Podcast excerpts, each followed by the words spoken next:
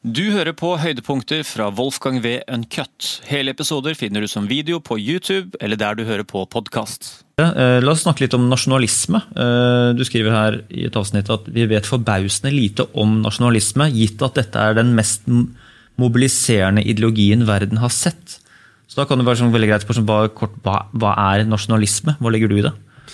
Ja, liksom, det er tre store ideologier som har formet den moderne verden. Det er sosialisme, det er liberalisme og det er nasjonalisme. Av de tre så er det åpenbart at nasjonalisme er det mest mobiliserende. Eh, nasjonalisme er, en, eh, er, eh, å definere individet som del av et politisk fellesskap, nasjonen, eh, med sin historie, sin kultur. Og på den måten så skaper man et fellesskap Bertrand Russell skriver om dette i 'Authority and the Individual', den britiske filosofen skriver i 49, om at nasjonen er den største enheten som man har klart å skape som en politisk enhet, pga. at du kan ikke kjenne alle menneskene i nasjonen eller i din gruppe. Og Vi mennesker har sannsynligvis levd i grupper som ikke har talt så veldig mye mer enn tolv mennesker. I mesteparten av menneskehetens historie har vi levd i små, små stammer der vi har kjent menneskene. Hvordan klarer du å skape felles, eh, større fellesskap? Vel, Nasjonen er det største som ifølge Russell er det som fungerer. Altså som gir mening til individet. Liksom sånn globalisme og sånne ting, det, det funker ikke pga. at det er avhengig av at du må se deg selv i den andre. Og Det gjør man gjennom å skape en felles historieforståelse, vår historie, en felles kultur, vår kultur, våre felles ritualer, sånn som 17. mai, våre felles klesdrakter, hele den smøla som gjør deg, til være, gjør deg til norsk. Norge er et eksempel på veldig vellykket nasjonsbygging. Men alle land i verden har forsøkt på ulike måter å skape en nasjon. Og ut av, ut av nasjonalismen så springer ting vi er veldig glad i. Demokratiet er et barn av nasjonalisme. Markedsøkonomien er et barn av nasjonalisme. Rettsstaten er et, barn av nasjonalisme. Ingen av disse tingene ville vært mulig uten nasjonalstaten og dens grenser og den interne, den interne solidariteten som nasjonen har skapt.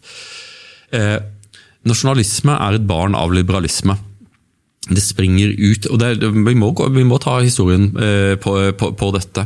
Ut av, eh, av den liberalismen som f.eks. en filosof som Immanuel Kant kommer, eh, står for, så springer da eh, nasjonalismen med, med, med, med, de intellektuelle barna til, eh, til Kant, sånn som eh, Johan Gottfried Herder og Johan Gottlieb Fichte.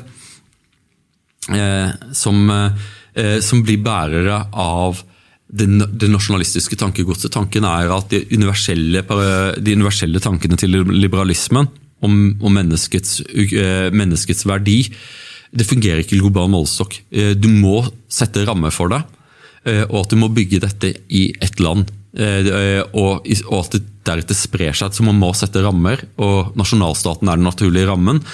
Og at dette er knyttet opp i språkfellesskap og kulturelle fellesskap. Den, man må bygge det på den måten.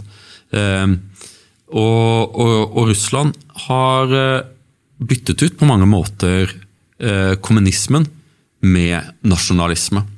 Eh, man har fått en, en ganske sånn brautende form for storrussisk nasjonalisme som den offisielle ideologien, eh, der dyrkingen av annen verdenskrig er et kjempeviktig kollektivt eh, ritual. Lya Greenfield, som er en forsker ved Harvard som jeg har veldig stor respekt for, har skrevet eh, 'Fem veier til moderniteten'. er boken, boken heter. Er en skille mellom to ulike former for nasjonalisme. og Dette er viktig. Ikke all nasjonalisme er god, og ikke all nasjonalisme er dårlig. En skille mellom en individualistisk frihetsnasjonalisme, der kanskje Norge er bevis nummer én. Der det går an å kombinere det å være nasjonalistisk med å dyrke individuell frihet. Mm. Eh, og og, eh, og, og, liberale verdier. Det går helt utmerket. Bare se på 17. mai. Trenger ikke å hate noen for, det, for, for å feire Norge. Og så har du en kollektiv autoritær nasjonalisme som er det man dessverre eh, feirer i Russland, som, som, dyrker fellesskapet nesten som en religiøs greie, og som dyrker det autoritære aspektet, og det som manifestert i deres versjon av 17. mai. der man er 1. mai-paraden på Den røde plass, der de paraderer og, eh, i, med sånn gåsegang eh, sånn, eh, og støvletramp og, og stridsvogner. Det er den autoritære nasjonalismen. Den autoritære nasjonalismen kan være ganske krigshissig, ganske undertrykkende. Og Det er grunnen til at, at, man i EU er så utrolig på vakt mot det som skjer i Polen og Ungarn og andre steder. er på at Man ser tegnene til autoritær nasjonalisme, og vi bør ha lært litt om farene ved det. På grunn av at ofte så går det utover minoriteter. At kollektivet, de, de som er på innsiden og definert som nasjonens egne, går løs på de som defineres på utsiden. Vi snakket om det i forhold til jøder, for de er synlige minoriteter. ikke sant? Eh, men så jeg er opptatt av at vi må ikke glemme det at eh, pga. at eh, selv om eh, nasjonalisme og liberalisme har, har, har hatt et brudd som har vært endelig, der, der liberalere definerer seg i opposisjon til nasjonalisme. Motstandere av allting som har med nasjonalisme å gjøre. Også det som er bra ved nasjonalisme. Mm. Nasjonalstaten. De, liksom, de, går ikke med på det at velferdsstaten, at demokratiet, at menneskerettighetene at det er betinget av nasjonalisme. Og dets barn, nasjonalstaten, det går de ikke med på. De bare blir kvitt det, så kommer det til å gå bra. Mens vi som er konservative sier oi, oi, oi, vær forsiktig, vær forsiktig med det. På grunn av at hvis man river ned disse grensene, så åpner man døra for, for undertrykkelse i episk skala. Da får man imperiet. ikke sant? Mm. Du kan ikke styre dette her uten gjennom undertrykkelse, mener vi. Eh, så vi må være glad i det du har, og forsøke å bygge det du har. Det å rive ned disse rammene, det er farlig. ikke sant? Mens i, mens i Russland så har man da forsøkt å ut av dette vraket av Sovjetunionen, som har forsøkt å skape noe eh, en, en mer klassisk nasjonalstat. Noen ting Russland ikke er. Russland er et imperium. Det er, øh, jeg vet ikke mange etniske grupper, det er, det er mange hundre ulike etniske grupper i, i, Russland. Det er ikke bare russere som bor i Russland. Mm. Men så forsøker man da, og Putin har vært, liksom, øh, øh, vært driverne for dette. Ganske kort tid, så bare senere så han en, gir han den sovjetiske nasjonalsangen ny tekst. Patriotisk russisk, den er tilbake. Røde fane gis tilbake til hæren. Sovjetsymbolene blir bare omdefinert og, og, gitt tilbake for å knytte Russland til Sovjetunionen, til imperiet. Eh, og for å skape, for Mange russere er kjempestolt over at de var i den vektklassen. Det er vanskelig å glemme at de var et land som der resten av verden tok og eh, måtte lytte når Russland snakket. Bli, den fornedrelsen gjennom 90-tallet var ydmykende, noe som faktisk folk bryr seg om. Vanskelig for nordmenn å forstå, fordi vi aldri har vært en stormakt, men det var noe som var viktig for folk. Og det Russland og Putin har gjort alt han kan for å føre Russland tilbake til øverste maktdivisjonen gjennom nasjonalisme. Er han alene om det? Nei. Dette er, en, dette, dette er, Modis prosjekt i India, dette er Xi Jinpings prosjekt i Kina, dette er Bolsonaros prosjekt i, i, Brasil. Du må ikke tro for det første, du må ikke tro at Europa definerer verdenshistorien lenger. Vi er, i ferd med å bli en marginalisert utkant Ifølge PricewaterhouseCooper de hadde en produksjon for verdensøkonomien i 2050. Da kommer Europa til å stå for mindre enn 10% av den samlede verdensøkonomien. Eh, vi kommer til å ende opp til alle solemerker til å bli et slags museum der, andre, der kinesere og andre kan komme på besøk og se hvordan man levde i gamle dager. Vi er ikke de som bestemmer historien lenger. Og utenfor Europa så, er det nasjonalismen som styrer. Nasjonalismen feier nå gjennom Asia Eh, og, og nasjonalstatene bygges. Ofte så er nasjonalisme er jo veldig lett gjennomskuelig. Man trenger mange dårlige historikere som forteller usanne historier om, eh, om historiens ære og makt eh, i og, nasjonens, nasjonens, kamp. og Da må man bare se bort ifra uhorvelig mye fakta sånn som vi snakket om i forhold til, til Polen, om at man må bare, bare glemme det at, at, at, Polen har blitt influert og hatt veldig gode relasjoner med Tyskland og Russland. Mm. Man må gjøre nasjonen til, til, til noen ting som er separat fra alle andre og bedre. ikke sant? Eh, men det er, det, det er den veien som, som, Putin har valgt å bygge Russland. Og det ser du et sted som, som Kaliningrad, så ser du liksom motsetningene i dette. Der Kaliningrad igjen har blitt en barakk, en kaserne der alle arbeider for, for, en, for en overdimensjonert hær. Hvorfor skal Russland ha en så altfor stor hær? De er jo ikke truet av noen.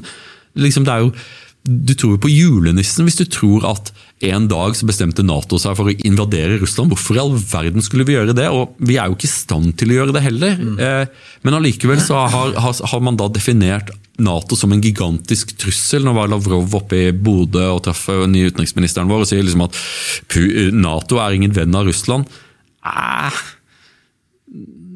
det er ikke sånn at Nato-medlemmene ligger våkne om natten og tenker på hvordan de kan angripe Russland. Men, de, men, det er liksom blitt en betingelse for Putins regime det at de er under trussel fra en, en, en, en fra det, liksom, Vi er det store røde øyet i Mordor som aldri sover, og som alltid mm. ser etter svakhet for å kunne knekke Russland. Jeg forsøker å si til mine russiske kolleger at den triste sannheten er at vi ikke tenker på dere egentlig i det hele tatt. Dere er for oss som, sånn som Island er for Norge. Vesten bruker ikke mye tid til å tenke på, på Russland. Amerikanerne tenker ikke mye på Russland. Eh, hvorfor ikke bare bygge deres eget land og forsøke å være lykkelige? Hvorfor liksom skape disse fiendebildene som egentlig dere danser i en dans som ikke vi danser til engang? Men det er der de er. Drivkraften å ha en sånn sterk antagonist som hele tiden ligger der og, og stresser, er liksom mye av drivkraften i, i liksom den russiske mentaliteten her. da. Jeg tror, eh, men Det legitimerer regimet. Eh, det og at vi må være årvåkne, men vi må være klare for dette finnes en fiende der ute som er ute etter å ta oss, selv om ikke den fienden finnes. Mm. Det, det, med nasjonalisme, sånn, I Vesten så har liksom det fått en helt annen eim enn de for to, uh, to forskjellige nasjonalist... Uh, som du forklarte i sted med hun Lia Greenfield. Eh, to retninger ved nasjonalisme. Altså jeg føler I Vesten og i, hvert fall i, sånn, i mediene diskusjoner så er nasjonalisme blitt et, sånn, et, sånn, eh, et, begrep man helst ikke vil ha noe med å gjøre, og som man forbinder med liksom den si, autoritære nasjonalismen. er liksom klistra til nasjonalisme, føler jeg, når det kommer opp i diskusjoner. At man støter fra seg. Vi skal ikke bli nasjonalistiske. og bare se på hvordan de nasjonalistiske statene der og de, de, nasjonalismen blomstrer der. Det er noe ubehagelig med det det, det, det er til sånn negativ ja, det, det, og, det, og det står jo en sånn merkelig opposisjon til nesten all forskning på dette. Hvis du vil lese bra norsk forskning på nasjonalisme, les Øyvind Østerud, han har skrevet masse om det. Nasjonalisme er en sterk og positiv kraft i menneskehetens historie, men har, den har også en, en, en, mørk side som er kjempefarlig, og som vi skal være på vakt for. Men det betyr ikke at vi ikke skal være klar over at nasjonalismen leverer ting som er kjempebra. Det legger, den, den, den legger eh, en grunnmur som man kan bygge velferdsstat, demokrati, eh, markedsøkonomi, menneskerettigheter på. Og Hvis du tar bort denne grunnmuren, så er det langt fra sikkert at, at, disse, eh, at disse, andre tingene kan overleve. La meg gi et, et, eksempel. Når, eh, hvordan definerer EU demokrati? I, I alle fall ikke på noen måte som noen av de gamle grekere eller noen som vet noe om demokrati ville se på det. For, de, for dem så er demokrati et sett med vagt definerte verdier som, som, som, bevares av mennesker som ikke er demokratisk valgt. Eh, som en slags overformynderi. Mm. Og, og, Man snakker spesielt mye om at demokrati er i fare hver gang noen gjør det de lovet velgerne og vant valget på det. Da, da er demokrati i fare. ikke sant? Som er en sånn totalt kontraintuitiv måte å se det på. At Selvfølgelig så er det et samspill mellom eh, at en, en, en, stat må være styrt av, av, lover og internasjonale regler, og man må forholde seg til dette, men på samme tid så kan det ikke være slik at man har valg der velgerne gir de som styrer dem, legitimitet til å styre dem, uten at de noensinne gjør det velgerne etterspør. Mm. Og Det er det problemet med det europeiske demokrati, er at du kan få lov til å stemme, men det eneste du får er mer av det samme.